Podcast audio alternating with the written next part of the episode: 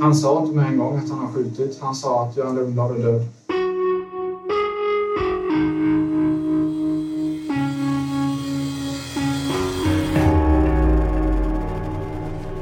Alltså jag kan inte berätta hur det gick till när han dog mer än att har skjutit han. Martin Törnblad hävdar fortfarande än idag att han inte är den som skjutit Göran Lundblad.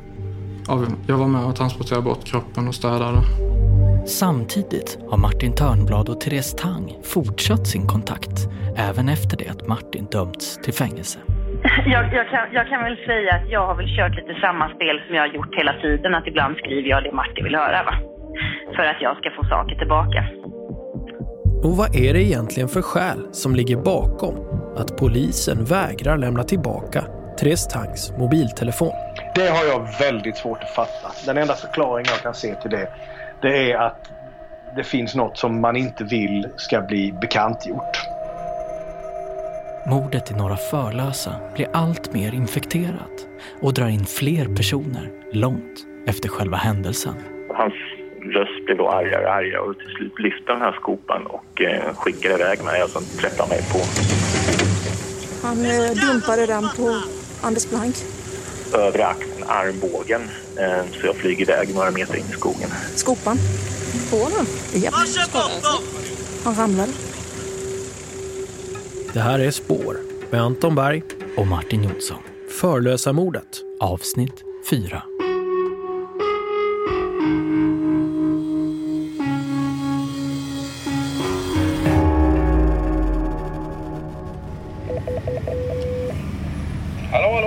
Hej, vi ska träffa Martin Törnblad.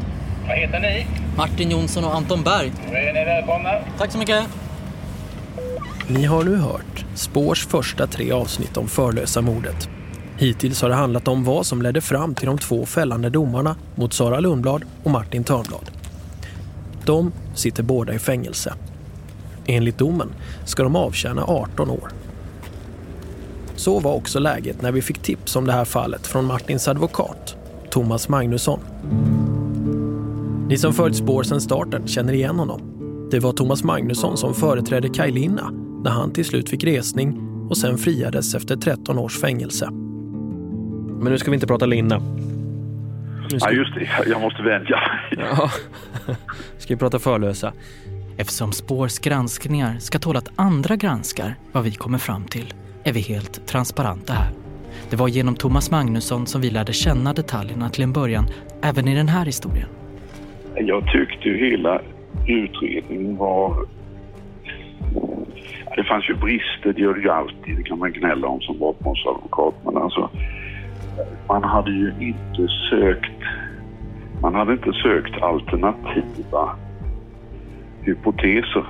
Utan hela utredningen var låst från början till slut. Thomas Magnusson påstår att det finns likheter mellan Förlösamordet och Karlamarksmordet. Och visst har han rätt i att båda fallen bygger på ett huvudvittnes utpekande. För att man la allt krut på det här vittnet Therese Tang, hennes uppgift om vad Martin skulle ha berättat för henne.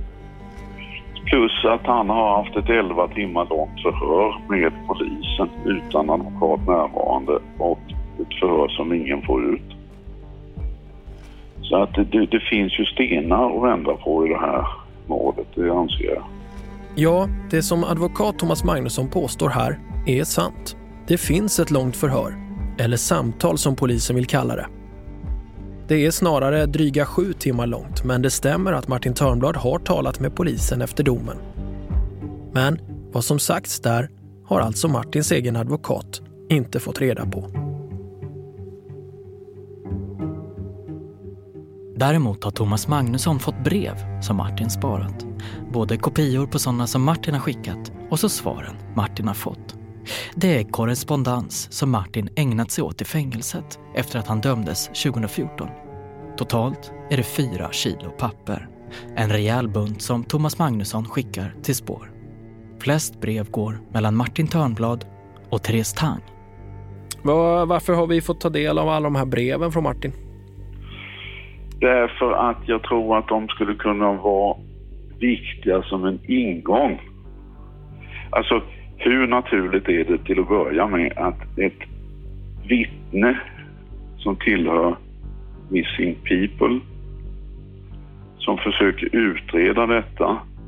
Det leder till en fällande dom och även till en fällande dom i hovrätten. Och sen så vidtar den här brevkommunikationen på hennes initiativ som jag ser det. Och det tycker jag är lite mysko. Det var därför jag tyckte att det här var intressant. Jag menar, är det på det sättet som hon beskriver? Att hon på något sätt blir censurerad i förhållande till polis och så vidare. Är det på det sättet att det finns saker i utredningen som inte har kommit fram och som inte får ut? Då är det ju högintressant enligt min uppfattning. Ja, Therese Tang avslutar inte sin relation till Martin Törnblad efter att han dömts för mordet på Göran Lundblad. Tvärtom så fortsätter hon att skriva brev. Det är samma Martin som hon alltså vittnar om att hon är rädd för. För Therese Tang bestämmer sig nämligen för att skriva en bok om det hon upplevt. Och grunden blir hennes anteckningar från tingsrätten. Jag började redan där och då föra lite anteckningar och eh, sen, sen när hovrätten kom så var jag på plats där också och gjorde samma sak där. Och det, det är självklart att man förstår liksom att vilken, vilken historia man sitter på och hur kan man göra för att bearbeta den på bästa sätt. Boken skrevs till slut av Joakim Palmqvist, men det är Therese Tangs perspektiv som är det centrala. Den heter Hur man löser ett spaningsmord och har underrubriken Therese Tangs berättelse. Så, så det har egentligen varit en, en bearbetningsprocess för mig för att kunna ja, räta ut frågetecken och, och stänga igen det här kapitlet av mitt liv på något sätt. Samtidigt innebar det ju då att du fortsatte ha kontakt med Martin. Mm. Mm, ja, det stämmer. Som du har berättat att du har varit så rädd för. Hur får du ihop det? Ja, det är klart att det var, det var väl den tuffa biten. Jag vet med mig att vi hade en hel del diskussioner om det här eh, brevväxleriet, eh, hur, det, hur det skulle vara.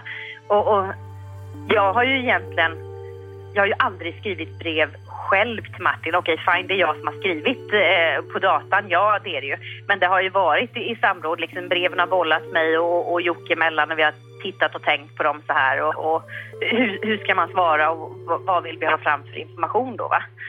Eh, och, och det är klart att det har inte alltid varit superenkelt. Vi ska återkomma till det som Therese Tang kallar för brevväxleriet. För även om det finns likheter mellan Förlösa och Karlamarksfallen just när det gäller vikten av ett huvudvittnes historia så finns det också avgörande skillnader mellan de båda fallen. En sån är personen vi ska träffa nu.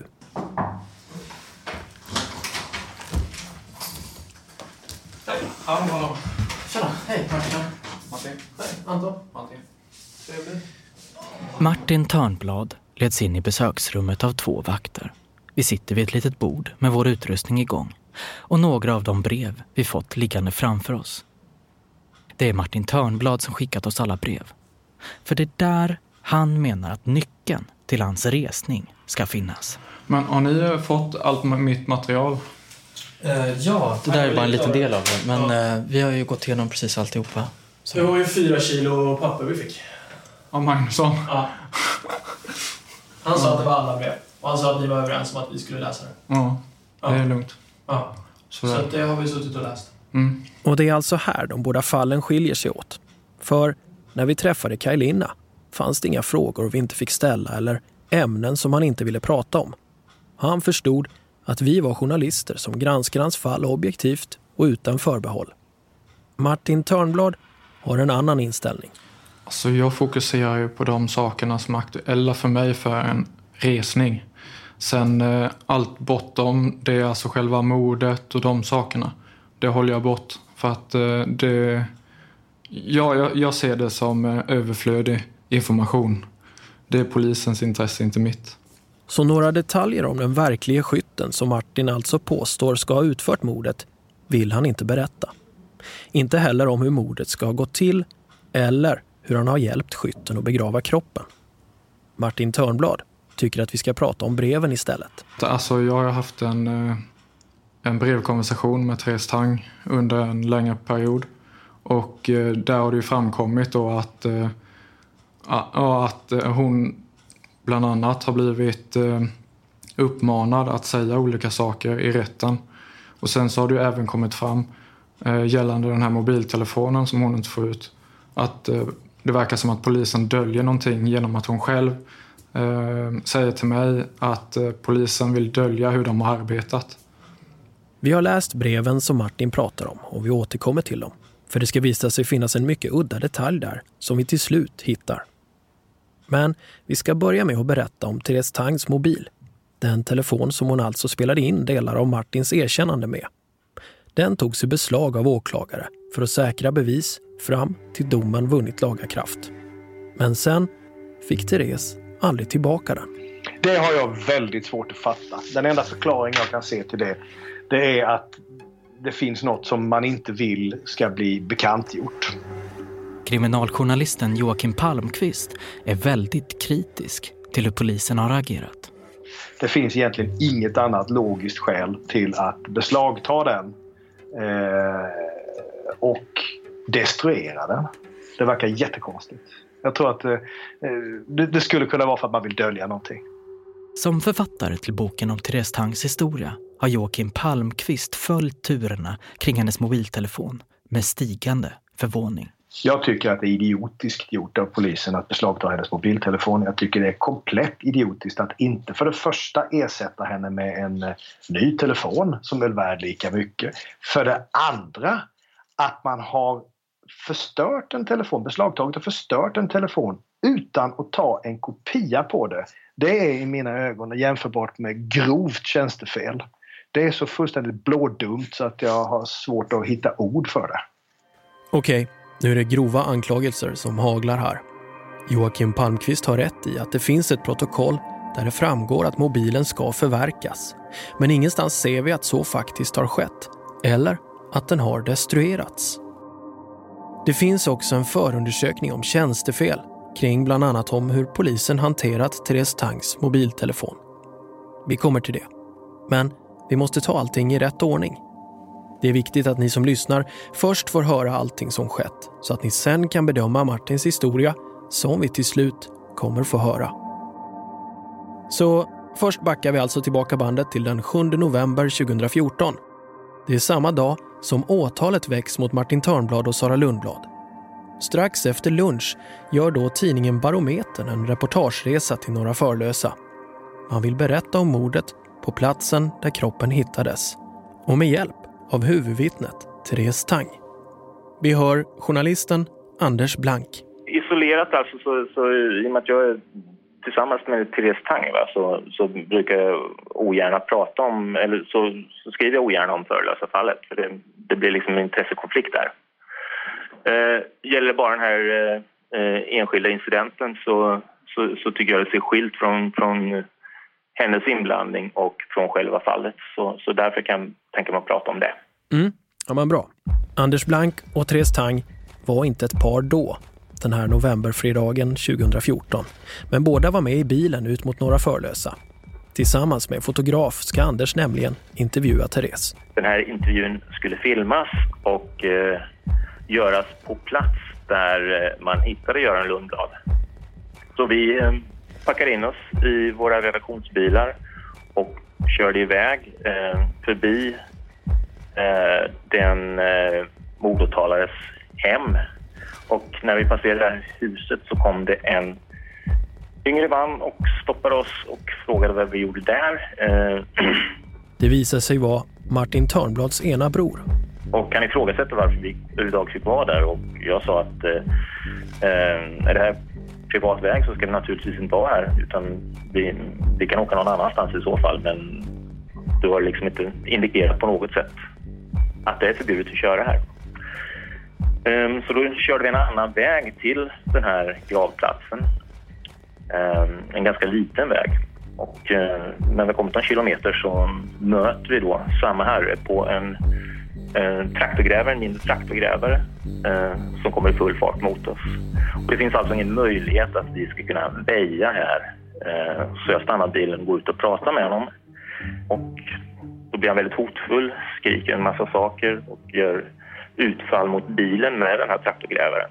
Det är någonting med den där blicken. Liksom. Jag, jag kan se samma blick i honom som jag kan se i Martin någonstans. Therese Tang sitter i passagerarsätet i Barometerns bil. I baksätet sitter fotografen. Anders Blank backar undan bilen och ringer polisen. Ringde en poliskontakt och sa att jag är här och här. Eh, får jag vara här? Eh, och polisen sa att ja, absolut, får jag vara där. Det är allmän väg och det finns inga skyltar som säger något annat. Eh, när jag går då ut och pratar med den här eh, yngre herren då så um, berättar det att eh, polisen har sagt att vi får, vi får absolut vara här. Eh, hans röst blev då argare och argare och till slut lyfte den här skopan och eh, skickade iväg mig och träffar träffade mig på övre axeln, armbågen. Eh, så jag flyger iväg några meter in i skogen. När han tar den här skopan, hur han liksom sitter och, och alltså tokprovocerar och gapar och skriker.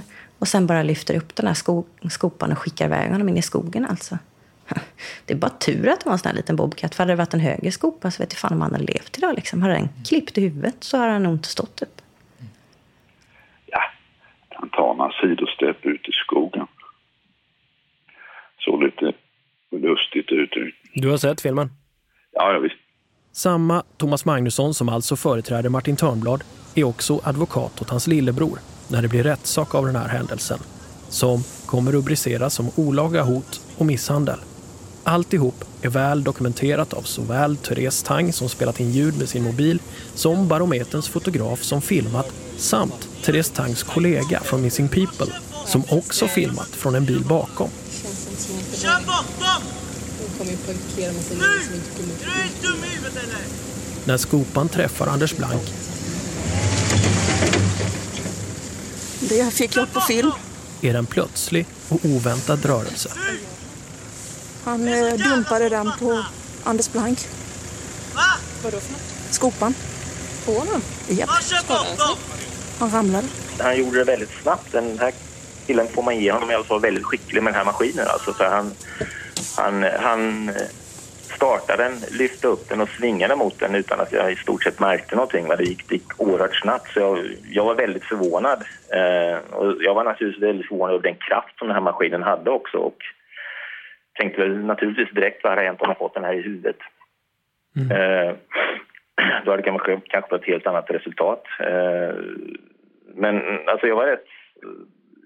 Det, var- det var en rätt uppjagad situation och jag var ville väl gärna göra, genomföra det här jobbet som jag hade tänkt mig. Va? Och, och, och dessutom när jag hade då fått eh, besked från polisen att, att det var inget som hindrade mig från, från att, att ta den här vägen. Alltså jag störde ingen enligt, enligt den här polismannen då. Så,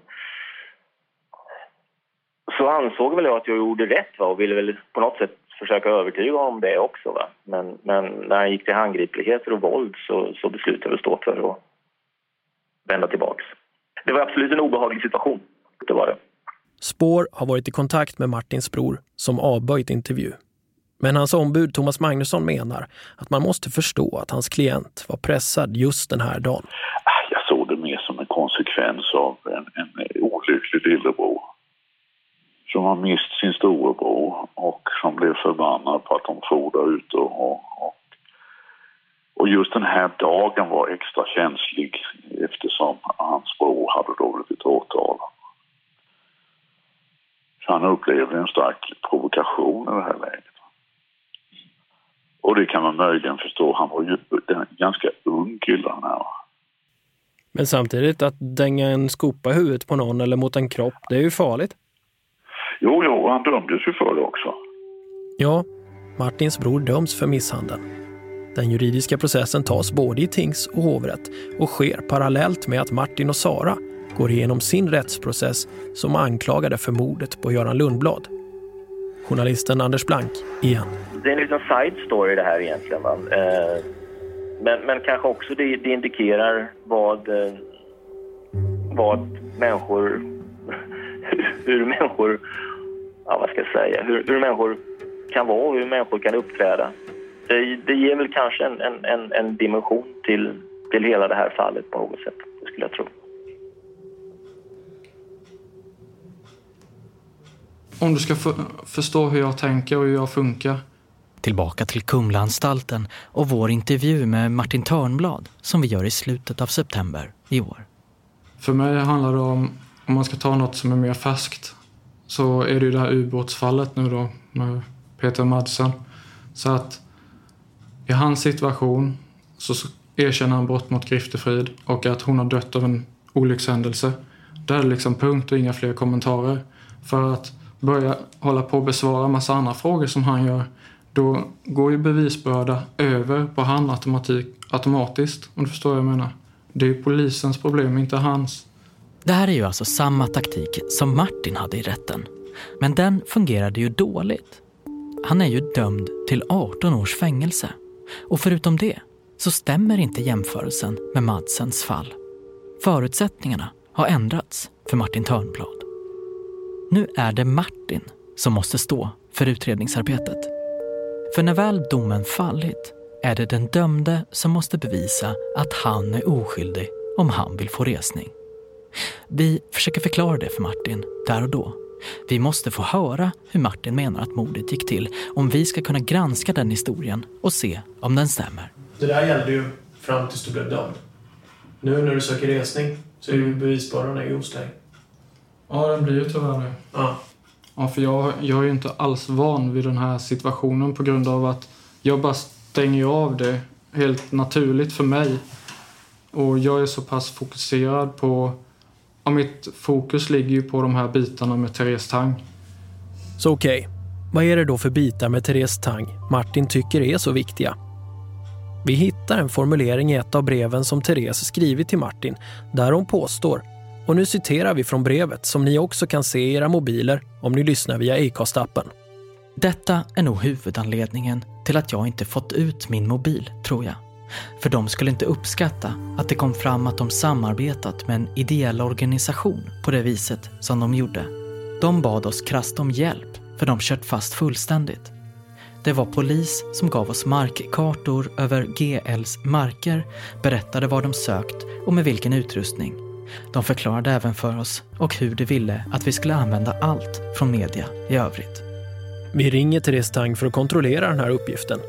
Har hon och polisen samarbetat så nära att polisen nu vill dölja spåren?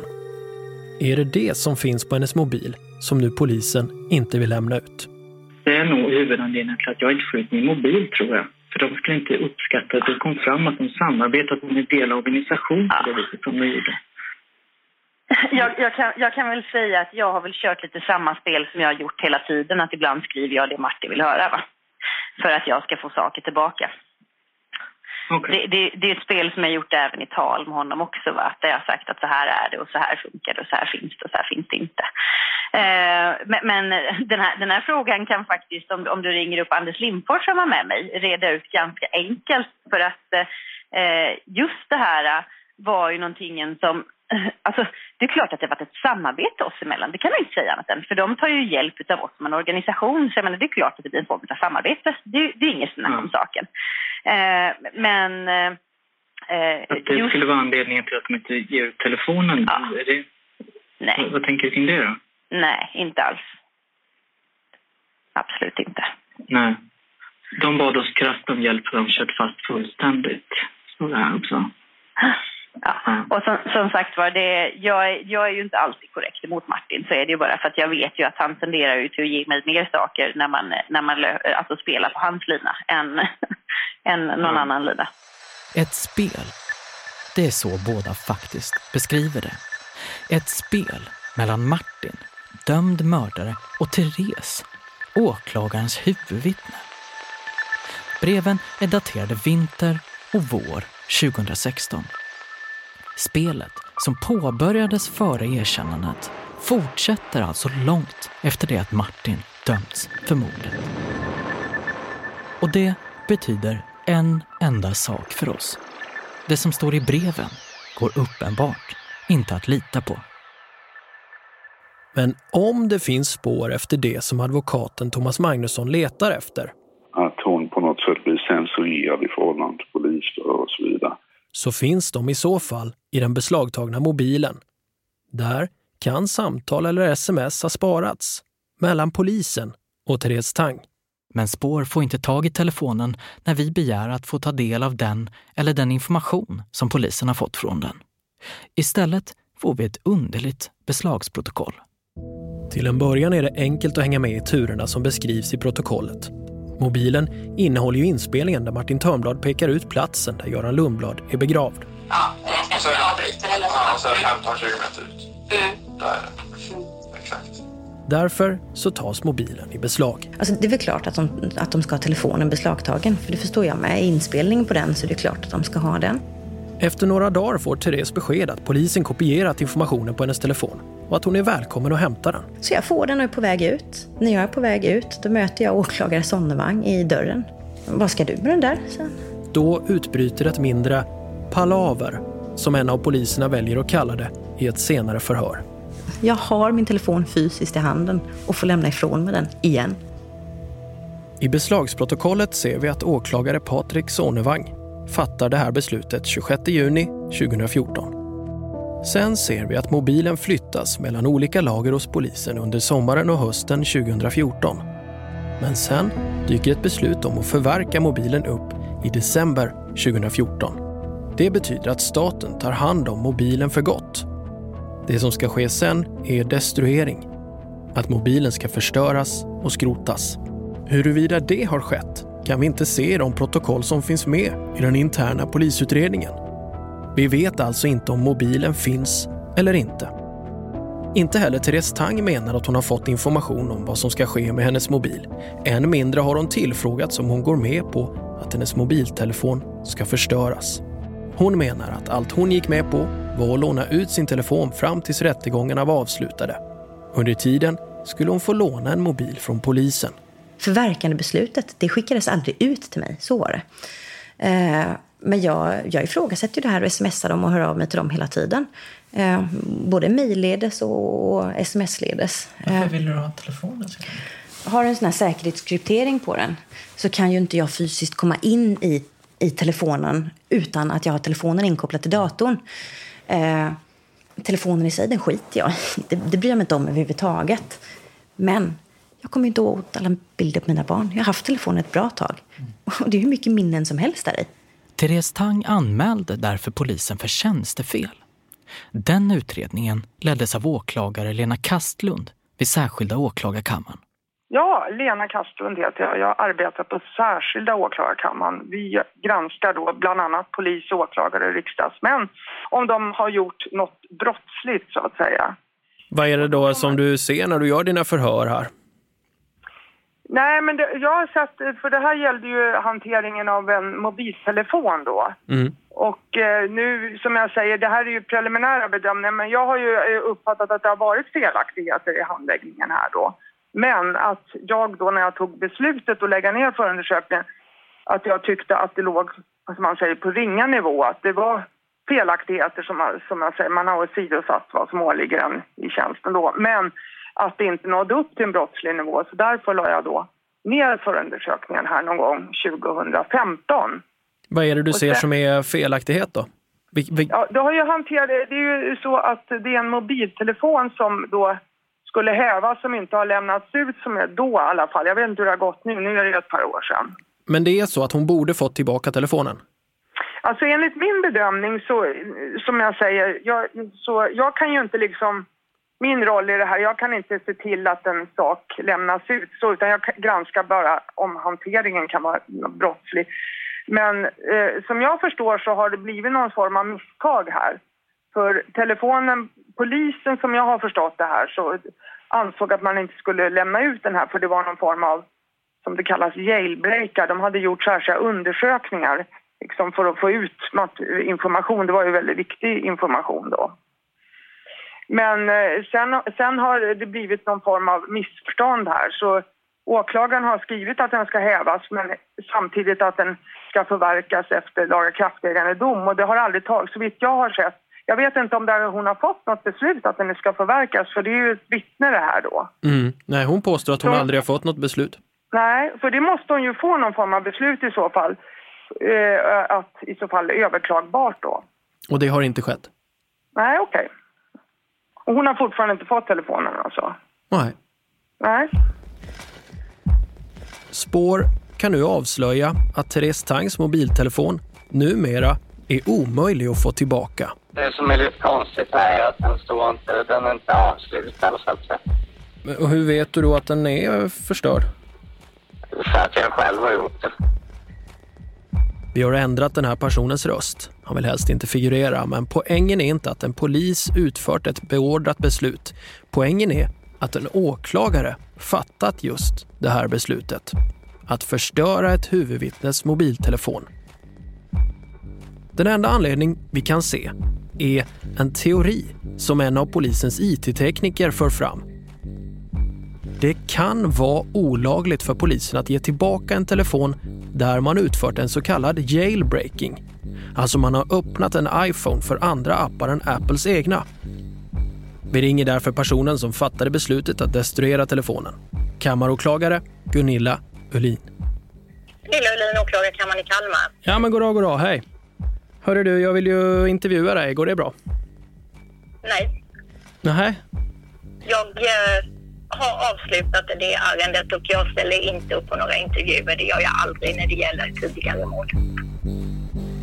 Tillbaka till vår andra åklagare, Lena Kastlund på särskilda åklagarkammaren. Nu är telefonen destruerad. Den finns inte kvar. Nähä, okej. Ja, jag har pratat med han som säger att han har förstört den. Jaha, okej. Vad innebär det då? Nej, men det, det kan ju, inne, kan ju jag kan ju inte sitta här och jag, jag får ju titta igen på det, men det kan ju innebära att man ska ta upp förundersökningen igen naturligtvis. Två dagar efter vår intervju med Lena Kastlund skickar hon ett mejl till Spår. Citat. Hej igen.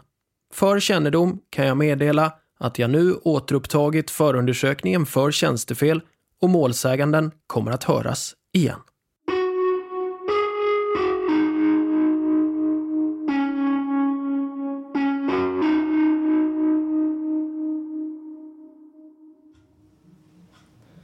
När vi kollar det här fallet så kommer vi ta upp sånt som är till fördel för dig men även sånt som är till nackdel för dig om vi hittar sånt. Mm. Eh, och om du tycker att det är en bra deal, då kör vi den här intervjun. Tycker du att det är dumt så då får vi åka hem nu igen i så fall. Alltså jag har ju ingenting att förlora på att ställa upp på en intervju, tycker inte jag. Mm. Snarare fördelar. Till slut lyckas vi ändå få Martin Törnblad att prata om själva mordet. Och då kommer samma version som han haft sedan rättegången. Vem kom på idén att, att mörda Göran? Ja, det är ju som har gjort det. Och han har gjort det på eget initiativ. Det är ju ingenting som eh, varken jag eller... Ja, jag ska inte prata för Sara, men jag gör det ändå. Varken som jag eller Sara hade någon vetskap om. Så det... Men, men förlåt. Nej, men det, det är ett kallt beslut av honom. Så... Eh, ja. Martin hävdar att det är en annan person som skjutit Göran Lundblad. Till P4 Kalmar sommaren 2015 väljer också Martin att berätta att det handlar om en nära anhörig. För spår avslöjar Martin nu identiteten på skytten. Men vi väljer av etiska skäl att inte gå längre än vad som redan är känt. Det handlar om en närstående person som alltså inte är officiellt ens misstänkt för brottet. Och, hur, och när, när togs det beslutet?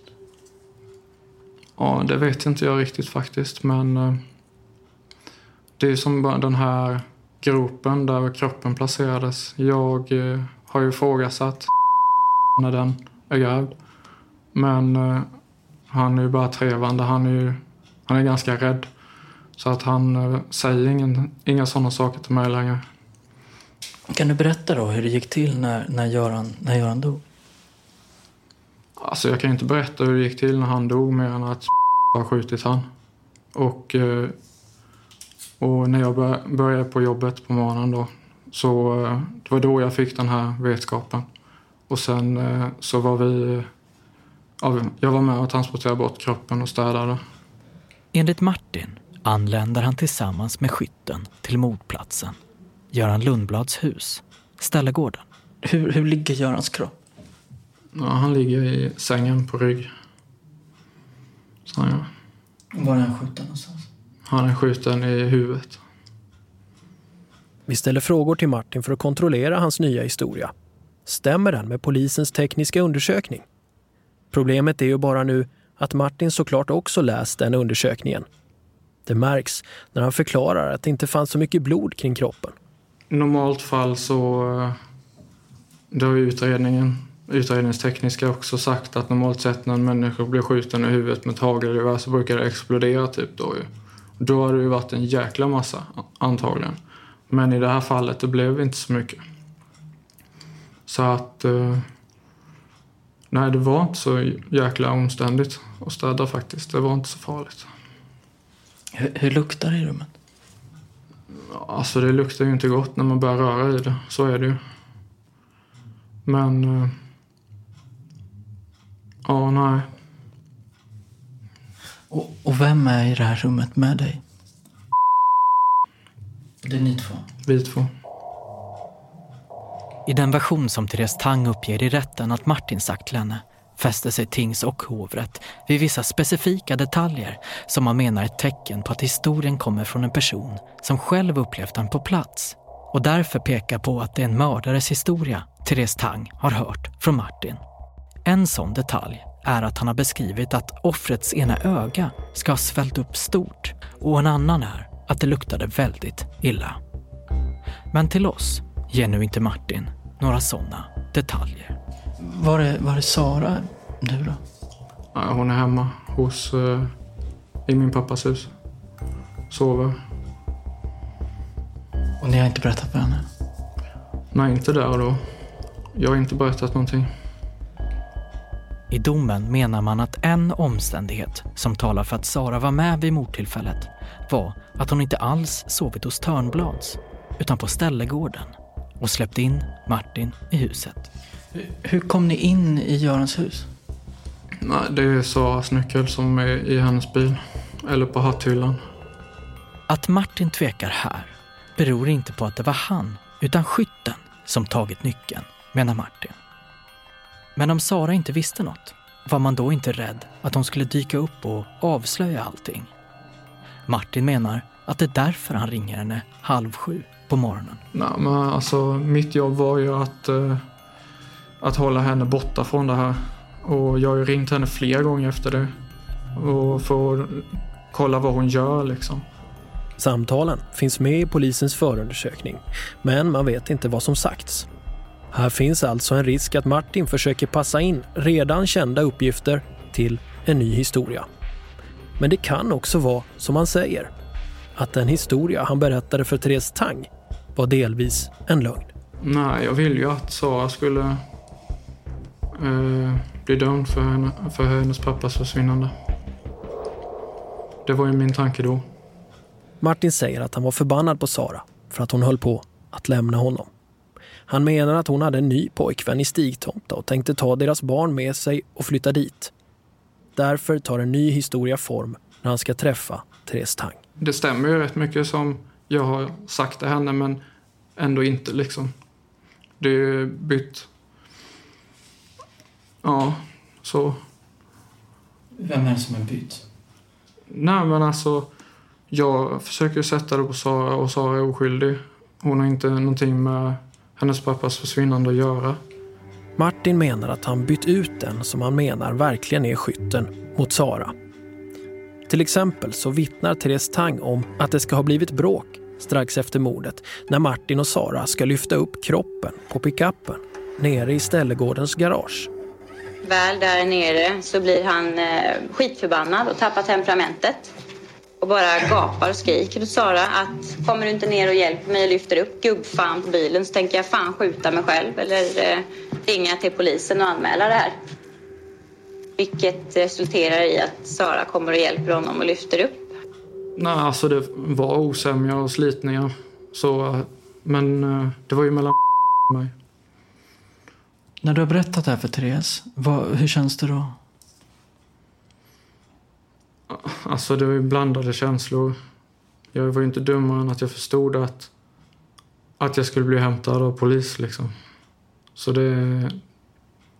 Nej, så sett. Men jag var ju naiv och godtrogen över att Therese inte skulle blanda in mig liksom. För att det, det hade hon ju annonserat med väldigt tidigt liksom att hon inte skulle göra. Och att hon vet att jag har någon inblandning och såna här saker. Och hon hållit på, det höll hon ju på med flera veckor innan.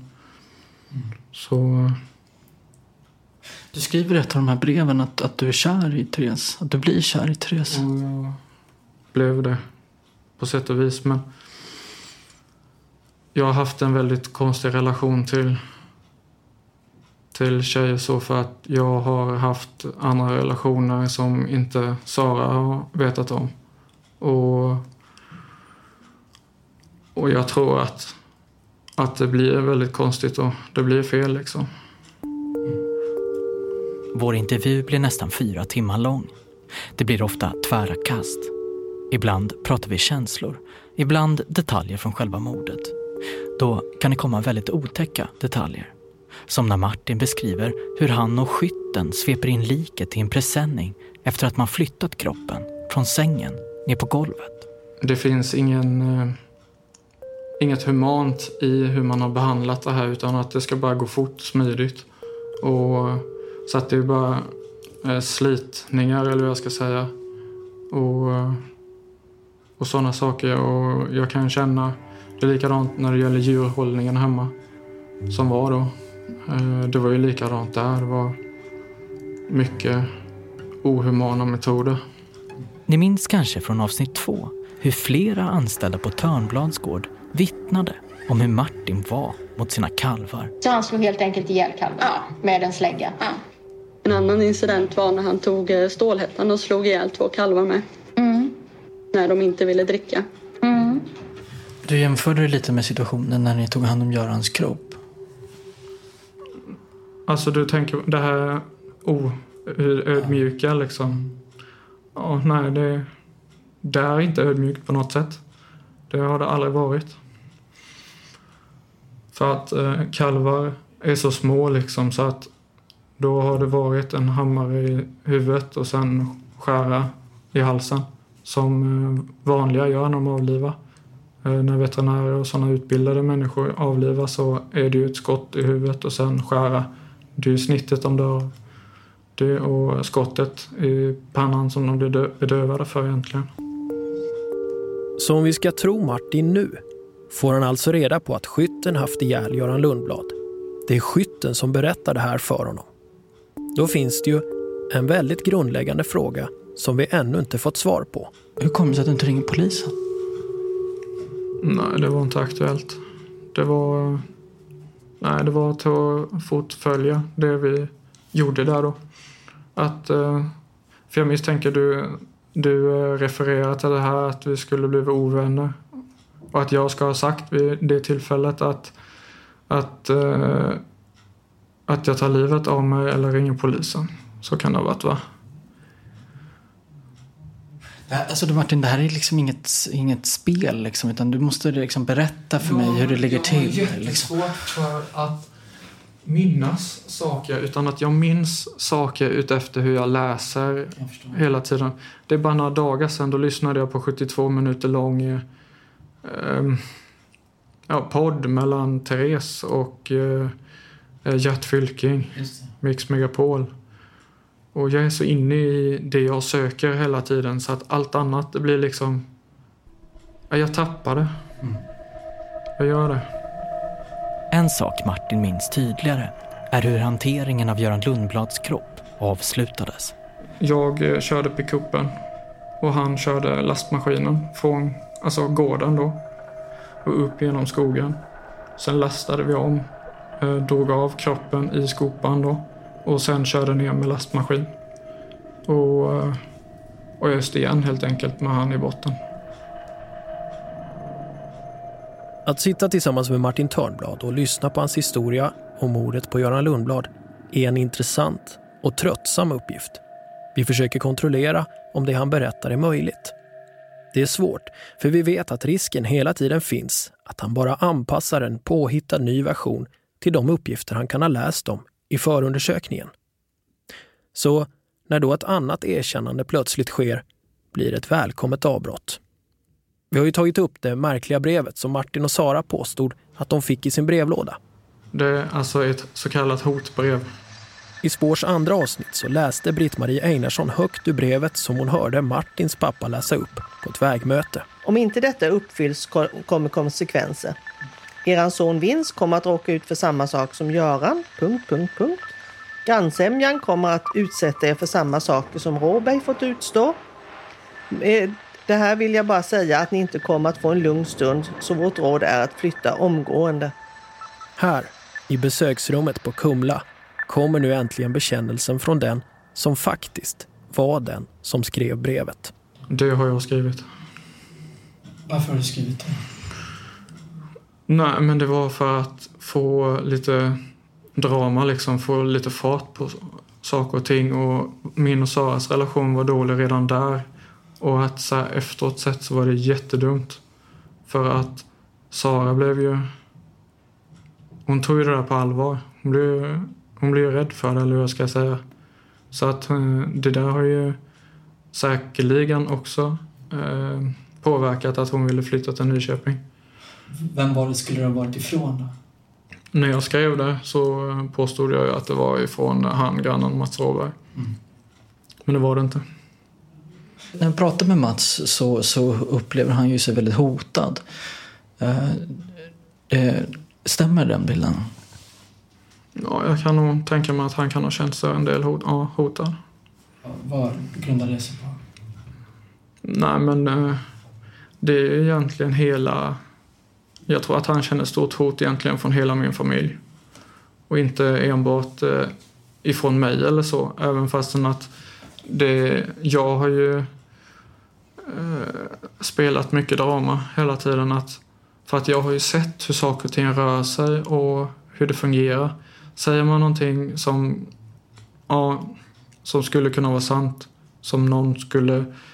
De tror ju att det är sant och börjar med tills de fattar att jag har blåst dem på något vis.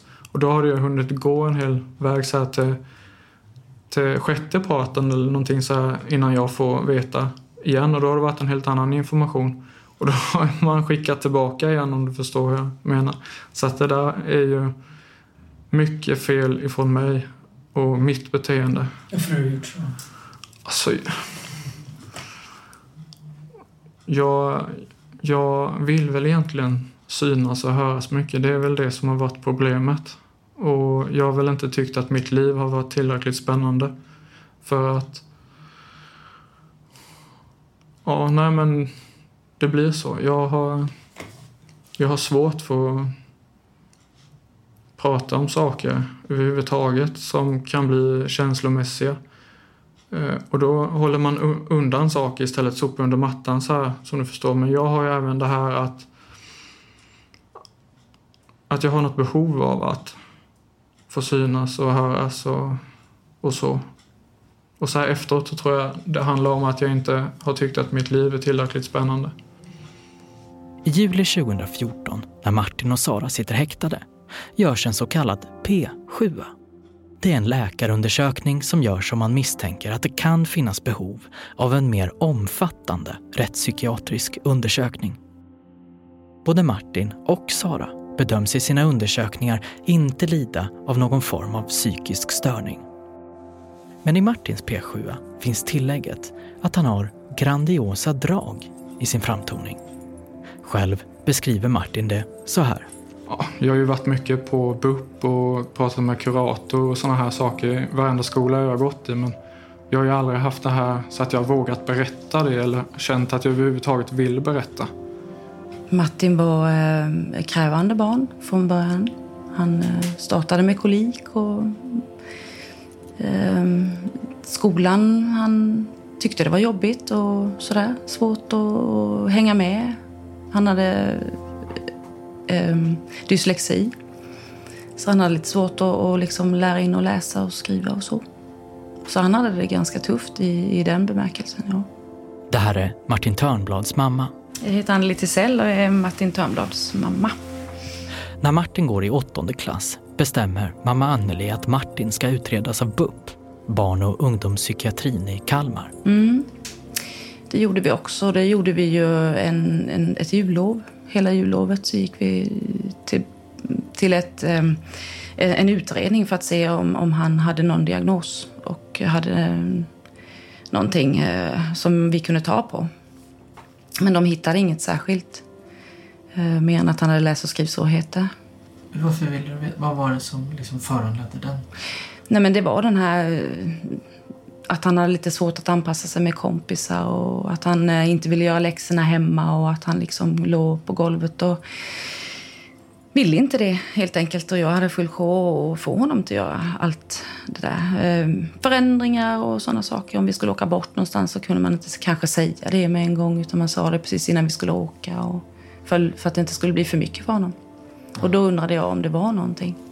Vi har sett de test som Martin genomgick i åttonde klass. Det handlar om dyslektiska svårigheter. Men Martin själv minns det som att det viktigaste skälet för honom att göra psykologutredningarna var att han mådde dåligt. Då min mamma tog mig till BUP för att då var jag ju självmordsbenägen. Men ingenting som någon egentligen hade sett av men att jag sa väl att jag mådde dåligt liksom att jag kommer göra någonting snart. Och då var det en tid på BUP. Men eh, sen liksom sopas det också under mattan liksom. Man pratar inte om det. I flera brev som ingår i den stora bunten av korrespondens som vi har fått av Martin så skriver han att han går igång på spelet kring mordet i Norra Förlösa. Han skriver rätt ut att han gillar att manipulera. Du beskriver i alla de här breven som vi har läst att du liksom njuter av det här spelet mellan polisen och, och åklagaren och sådär. Ja, det gör jag. Alltså, på något vis så... Alltså jag gillar ju den här draman och jag har skitsvårt också... Är det här också ett spel för dig? När vi sitter så här och Alltså jag tycker någonting, på något sätt så är spelet över. Nu spelar det inte så stor roll. För att nu handlar det om... Det är ju ingen som kommer bry sig om vad jag säger eller inte säger, tror inte jag. Utan att det kommer handla om eh, eh, ja, bristerna i polisutredningen. Eh, att Therese Tang har haft andra uppfattningar. Eh, alternativt att man kör färdigt spelet som var meningen i tingsrätten. Ja, det är så Martin faktiskt beskriver det. Tingsrättsförhandlingarna, där man avgör vem som är skyldig till ett mord, var även det ett spel. Martin påstår att han skulle sitta tyst hela tiden och så mot slutet skulle skytten vittna och då dramatiskt förändra hela bilden. Men meningen var ju att vi skulle höra han och att han skulle erkänna. Och sen när det blir för mycket, för djupt med frågor och så, så skulle det bara vara ingen kommentar liksom. Då skulle det inte bli någon dömd. Det, det var meningen. Så vi utgick ifrån att ingen skulle bli dömd. Mer än brott mot griftefrid möjligtvis. Problemet var bara att det aldrig kom någon skytt. Men han ser mig i ett värde som ökar för varje dag jag sitter i fängelse. Och ska han då vara aktiv i en resningsprocess så handlar inte det i tid nu utan det handlar om senare och att jag ska vara tvungen att dela skadestånd med dem. Så du menar att han skulle, i hans värld så är det rimligt att tänka att du sitter sju år till och då går han in och erkänner mordet och då får du resning och så får han pengarna? Ja, han utnyttjar mig för pengarna. Han ser inte mitt mänskliga värde. Det är svårt att veta hur man ska se på en sån här uppgift. För vi har ju pratat med Anneli, Martins mamma. Och hon vet vem Martin menar är skytten. Och hon avfärdar inte Martins resonemang. Det är ju otäckt såklart. Eh, jag har mycket tankar på det också. Eh, vem det kan vara. Eh, och jag vet ju vem han syftar på. Men det finns ju inga bevis för någonting. Det finns ju egentligen inga bevis på att de har gjort det heller. Det finns ju inga bevis, vad jag har förstått, på vem som har skjutit Göran. Och den jag tänker på då eh, har ju de inte utrett.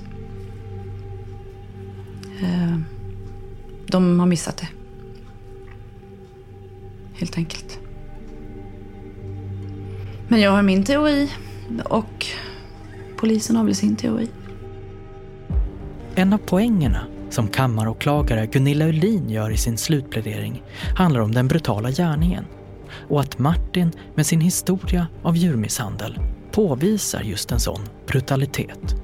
Därför, menar åklagaren, tyder det också på att Martin är mördaren. Ja, det är helt oacceptabelt att bete sig så mot djur. Betyder, men med resten av meningen då som åklagaren menar, saknar du vanliga spärrar?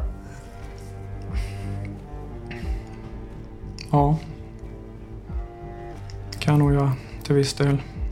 Och det här att jag ljuger om saker. Och det har jag gjort ända sedan jag var liten. Och jag tror att jag har blivit successivt bättre och bättre på det.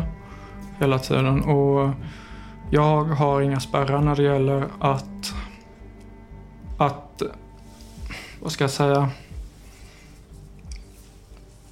Eh, grovheten på mina lögner eller grovheten på att utsätta någon annan människa för psykiskt lidande. Eh, Jag har inte de gränserna liksom. Nu har vi suttit här i snart ja, tre och en halv timme. Ja. Har du ljugit någonting för oss? Eh, nej, jag har inte ljugit någonting för er.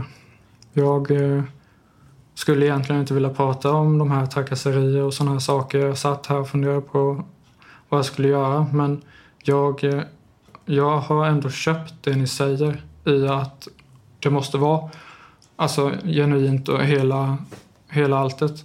Men samtidigt så måste ni förstå att jag, hur jag fungerar som människa och att det kanske inte är alltid så lätt.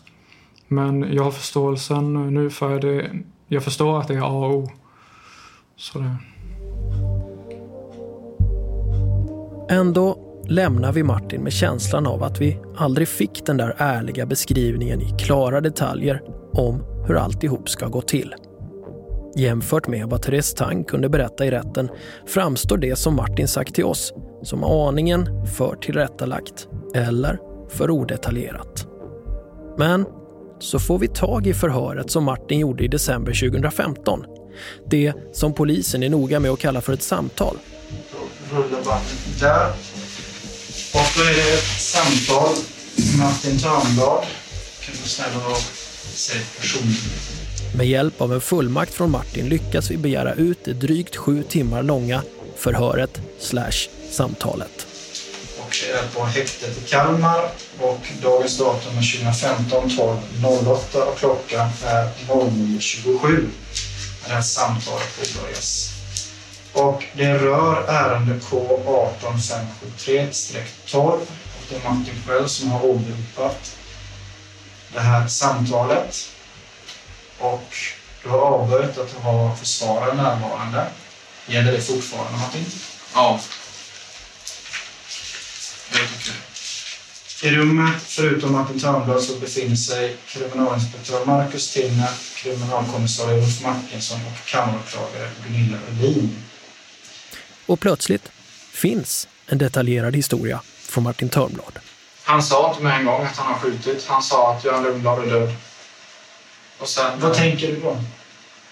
Ja, eh, vad menar du? Typ så håller jag på med det. Och sen fortsätter han att han säger att han har skjutit han. Vi kan nu inte ge er alla detaljerna, för då röjer vi skytten. Men det finns passager som till exempel låter så här. Mer detaljer, vem gör vad? Han eh, tar tag i ja, högerarmen blir det.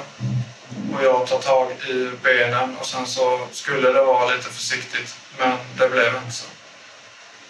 Det blev alltså täcke och kudde följde med.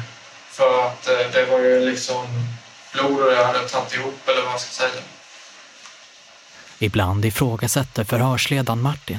Så då var det ju Chrysler då som stod utanför. Att den skulle bort därifrån. Så ni diskuterade det inne i rummet? Det stod och diskuterade i uh, Görans sovrum. När han ligger där och skjuter den, så börjar ni diskutera hur ni ska flytta Chrysler. Och vissa gånger ger då Martin svar som verkar rimliga. Ja, det var då eh, det kom upp om att den måste bort för att den var... Den kunde inte stå där. Andra gånger blir det mer oklart. Jag vet inte vad jag ska säga till den frågan. Ja, men förklara. Vi är Du har precis fått veta har mördat Göran. Mm.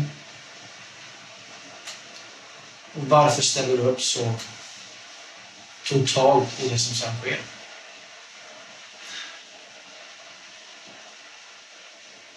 Jag kan inte svara på den frågan bara sådär. Det blev bara att jag gjorde så. Jag, jag, jag har alltid ställt upp det här till 100 procent så sätt. Jag vet inte hur jag ska förklara. Ja, men det finns ju gränser. En annan sak att rensa en mordplats. Jo, ja, jag har full förståelse för det men Och det finns detaljer som vi funderar över. den dagen tog jag ifrån dem koden till vapenskåpet så bara jag var ensam kodinnehavare. Om nu Martin är den enda som kan koden, hur kan skytten ha använt vapnet när Martin påstår att han låg och sov? En annan sån detalj handlar om Saras hästar. Du har inte nämnt någonting om, om hästar den här dagen. Jo, på morgonen. Det sa jag ju i min hela sammanställning från början. Ja, De släpptes ut på morgonen. Jag sa ju att jag brukar göra det om hon inte har gett sig iväg vid klockan nio, normala fall. Men eh, det gjorde jag på morgonen då, när jag kom dit första gången. Fick bevittna allt det här skiten. Då, eh, vid den tiden släppte jag ut hästarna.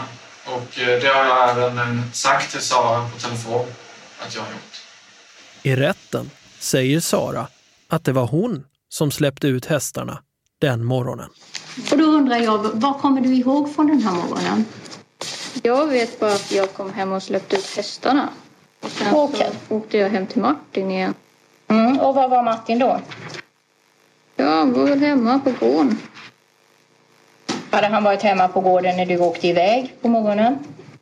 Ja, alltså jag hade ju inte den jättekoll så han var väl på gården. Som vanligt. Mm. Och hur var det? Hade ni pratat med varandra i telefon? Ja, det kan vi ha gjort alltså. Vid ett tillfälle blandar förhörsledaren in Sara mitt i ekvationen. Om det är medveten fint eller ett misstag vet vi inte. Men så här svarar då Martin. Likadant. Tur- Turades ni om om städningen? eh, Eller vem, vem skötte, vem hade kommando till städningen?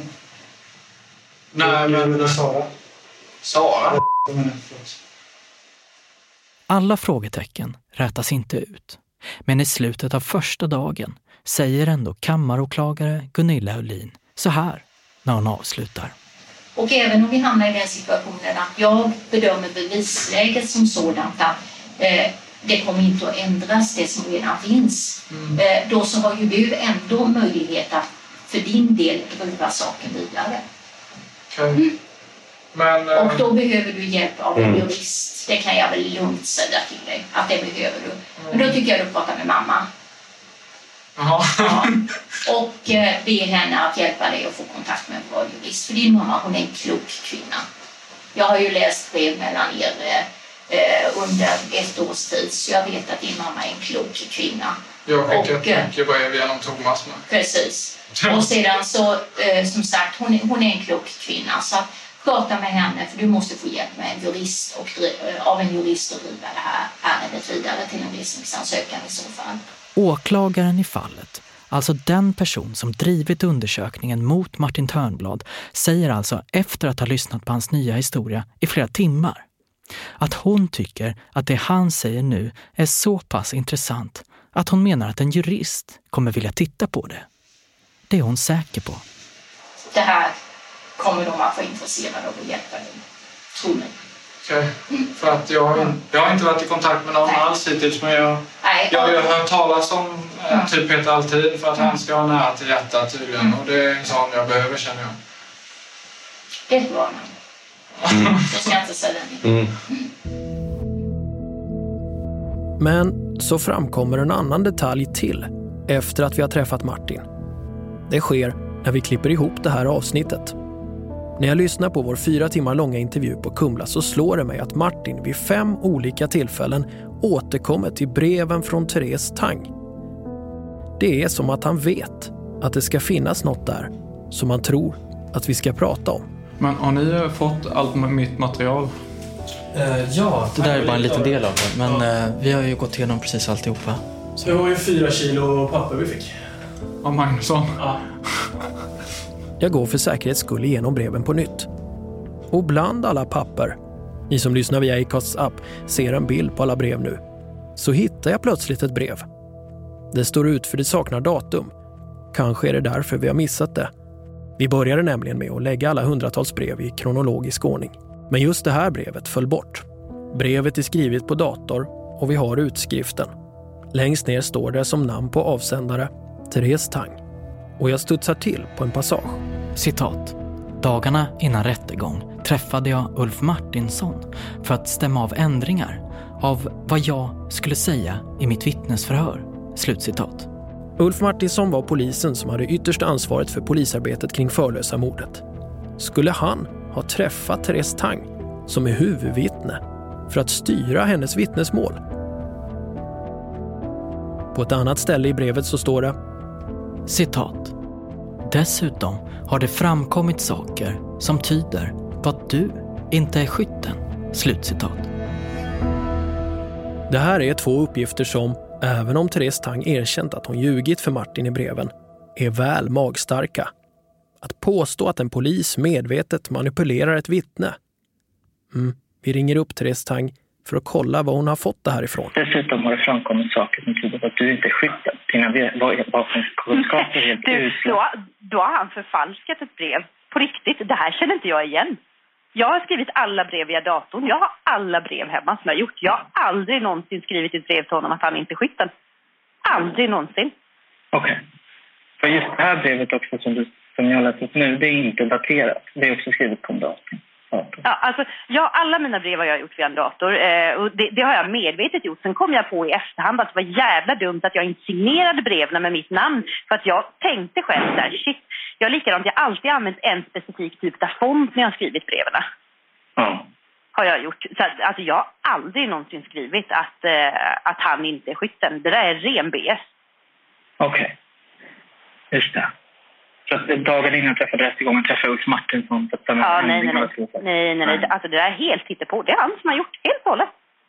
Kriminalkommissarie Ulf Martinsson gör samma bedömning som Therese Tang. Det är ren BS. Eller Martinsson säger det faktiskt rakt ut. Bullshit. Det har aldrig hänt. Jag har inte haft några möten med Therese Tang. Hon har ju... Hon, hon har ju varit väldigt arg av någon anledning på mig under lång tid. Jag vet inte varför riktigt, men... Nej, absolut inte. Therese Tang menar att det här brevet är förfalskat av Martin. Så att Martin påstår att Therese Tang har skickat det här brevet till honom. Skulle han, ja. varför skulle han göra det tror du? Vad skulle det innebära om ni hade haft det här mötet? Ja, men att vi skulle, polisen skulle påverka vittnen vad de skulle säga. Ja, vad innebär det? Skulle väl bara, då kunde jag åka till Arbetsförmedlingen sen naturligtvis. Så det finns alltså ett tydligt motiv för Martin och det skulle vara väldigt bra för Martin om ni hade haft så här det här mötet.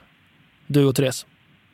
Ja, ja alltså utifrån hans menade för att kunna påstå att det är, något, det, det, det är helt påhittat det här. Ja. Ja, det...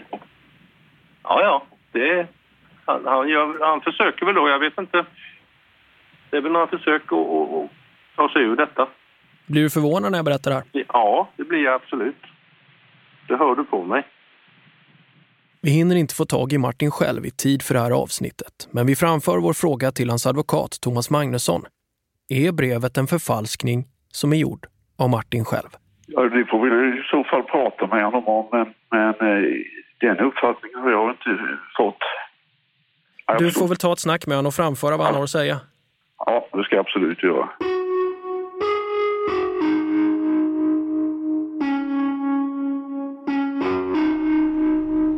I nästa veckas spår.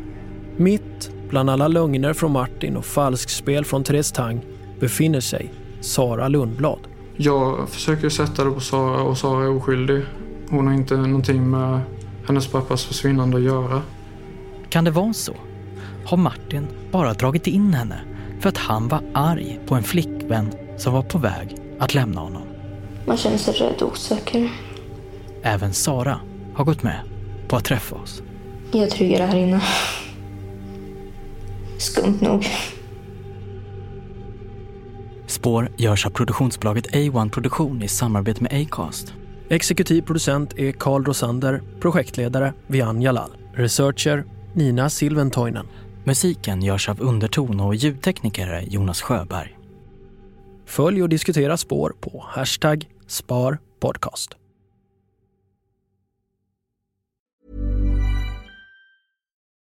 This is the story of the one. As a maintenance engineer, he hears things differently. To the untrained ear, everything on his shop floor might sound fine, but he can hear gears grinding or a belt slipping. So he steps in to fix the problem at hand before it gets out of hand. And he knows Granger's got the right product he needs to get the job done, which is music to his ears. Call, click Granger.com, or just stop by. Granger, for the ones who get it done.